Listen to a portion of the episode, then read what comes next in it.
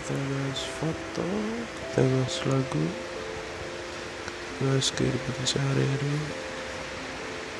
Mengikuti tren yang ada.